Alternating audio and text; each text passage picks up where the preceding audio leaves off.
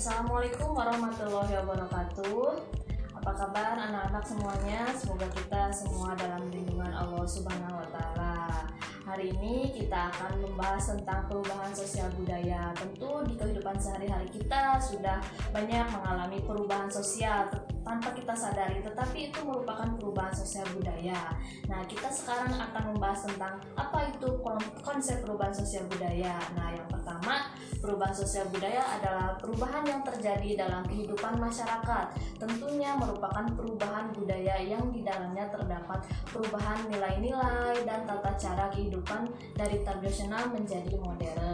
Nah, kemudian ada konsep lagi yaitu perubahan pada lembaga-lembaga kemasyarakatan dalam suatu masyarakat yang mempengaruhi sistem sosial termasuk di dalamnya yang pertama nilai-nilai, sikap, pola perilaku di antara kelompok dalam masyarakat. Nah, perubahan sosial budaya ini terjadi secara jangka waktu yang lama dan juga bertahap. Nah, sekarang saya mau bertanya nih, mengapa kehidupan sosial senantiasa mengalami perubahan? Ada yang, yang ada yang tahu tidak? Nah, yang pertama karena sesuai kebutuhan. Kita semua tahu bahwa manusia e, membutuhkan sandang, pangan, dan papan. Oleh karena itu, manusia akan selalu berorientasi atau berubah untuk memenuhi kebutuhan-kebutuhan tersebut. Kemudian, faktor yang kedua yaitu menyesuaikan ke perubahan zaman. Apabila manusia tidak menyesuaikan dengan perubahan zaman, maka ia akan tertinggal. Kemudian yang ketiga, Faktor yang ketiga yaitu dengan sendirinya. Oleh karena itu masyarakat akan selalu dinamis, tidak akan statis ya. Kemudian yang faktor yang keempat yaitu tidak terlepas dari masalah. Tentu dalam masyarakat akan selalu berhadapan dengan masalah. Kemudian kenapa sih terjadi perubahan sosial budaya? Nah, ada tiga proses terjadinya perubahan sosial budaya. Yang pertama yaitu akulturasi, kemudian yang kedua yaitu asimilasi, dan kemudian yang ketiga yaitu difusi. Nah, kita bahas satu-satu ya. Akulturasi itu adalah proses perpaduan dua atau lebih dengan tidak menghilangkan budaya aslinya. Artinya apa, Ibu? Nah, saya umpamakan dengan uh, abjad ya. Misalnya akulturasi itu uh, budaya satunya B, budaya yang keduanya C, maka akulturasi itu akan berbentuk BC. Jadi tidak hilang uh, budaya keduanya.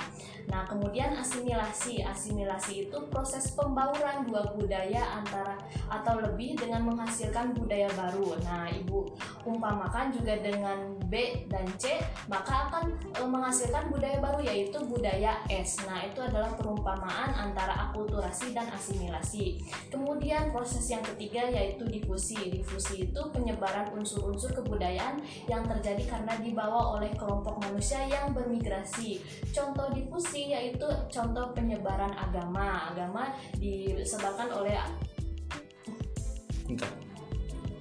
Kemudian bentuk-bentuk perubahan sosial budaya ada empat. Yang pertama dilihat dari prosesnya, kemudian yang kedua dilihat dari pengaruhnya, kemudian yang keempat dilihat dari penyebabnya, dan kemudian dilihat dari hasil. Nah, kita bahas satu persatu. Dilihat dari proses yaitu ada evolusi dan revolusi. Nah, evolusi ada yang tahu? Evolusi itu adalah proses perubahan yang terjadi secara lambat. Nah, Contohnya apa? Contohnya seperti mata pencaharian dari zaman purba. Pada zaman purba, purba mata pencahariannya itu berburu dan meramu. Tetapi pada zaman kini e, mata pencaharian seperti itu tidak ada. Nah, itu ya, itu adalah evolusi. Kemudian e, bentuk Kemudian bentuk yang kedua yaitu revolusi. Nah, revolusi itu adalah perubahan sosial budaya yang terjadi secara cepat. Nah, ini adalah contohnya seperti revolusi industri, revolusi industri Inggris, Prancis, dan lain-lain. Kemudian dilihat dari pengaruhnya. Yang pertama adalah kecil. Nah, ini ruang lingkupnya kecil, jadi hanya mempengaruhi uh, hanya mempengaruhi ruang lingkup itu saja seperti gaya rambut. Nah, di gaya rambut itu hanya itu saja. Kemudian yang kedua yaitu pengaruhnya besar. Nah, ini bisa seperti satu Indonesia. Nah, itu contohnya seperti sistem pemerintahan. Kemudian dilihat dari penyebabnya. Yang pertama dikehendaki atau direncanakan. Ini biasanya dilakukan oleh agent of change. Nah, contohnya seperti keluarga berencana supaya ledakan penduduk tidak terjadi. Kemudian yang kedua adalah tidak dikehendaki yaitu e, perubahan yang tidak dikehendaki oleh manusia seperti bencana alam. Kemudian dilihat dari hasil yaitu progres dan regres. Kalau progres yaitu membawa keuntungan terhadap kehidupan masyarakat, contohnya seperti pembangunan listrik.